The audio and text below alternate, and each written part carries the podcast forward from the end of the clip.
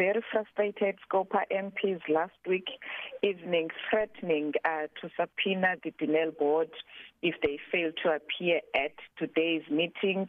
But uh, fortunately that process uh, is no longer going to happen because the board um, which is chaired by uh, Gloria Sibeko is here Serobe is here uh, at parliament.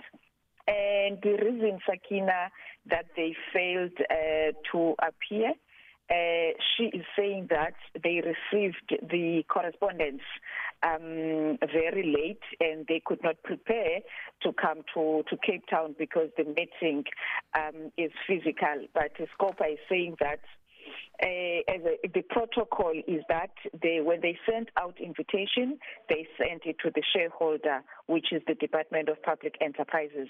And then it's supposed to be the department that then uh, invites the board.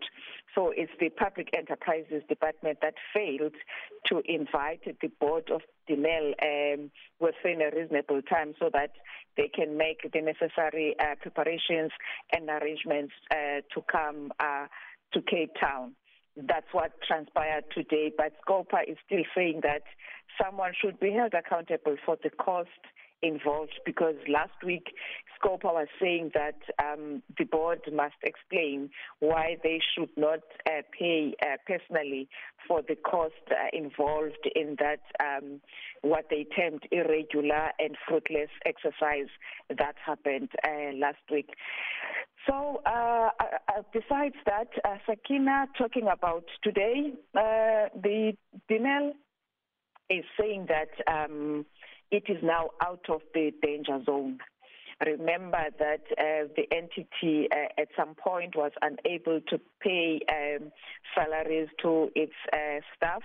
They are saying now um, the total assets exceeds total liabilities. So now uh, things are, are, are the, the, the entity is becoming financially stable, moving out um, of the danger zone, but um, there's still a lot that needs to be done to make sure that um, that stability um, is maintained and uh, the company, the entity can now be financially viable and stand um, on its own.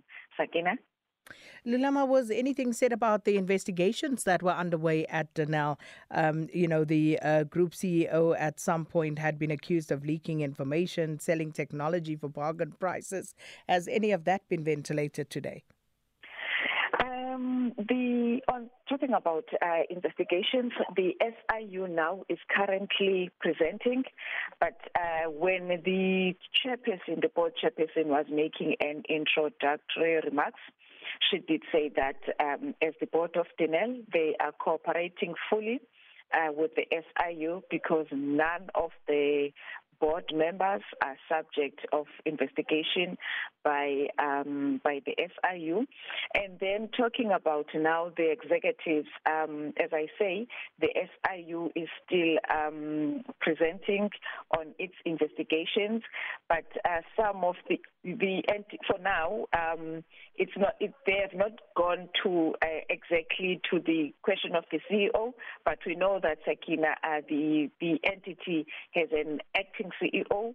It is not permanent, and they say that um, they have failed to advertise and recruit a, a new CEO because of their financial situation, and now that uh, at least now um, it it is becoming financially stable, they will be in a position um, to be able to, to, to, to advertise and recruit.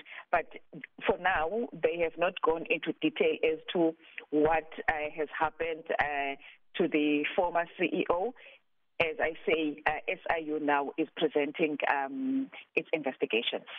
Lulama, thanks so much for that update. We'll leave you to it because no doubt uh, more of the detail will emerge also through the questions that will be posed by members of parliament. Lulama Matya is, of course, our reporter in parliament on that story.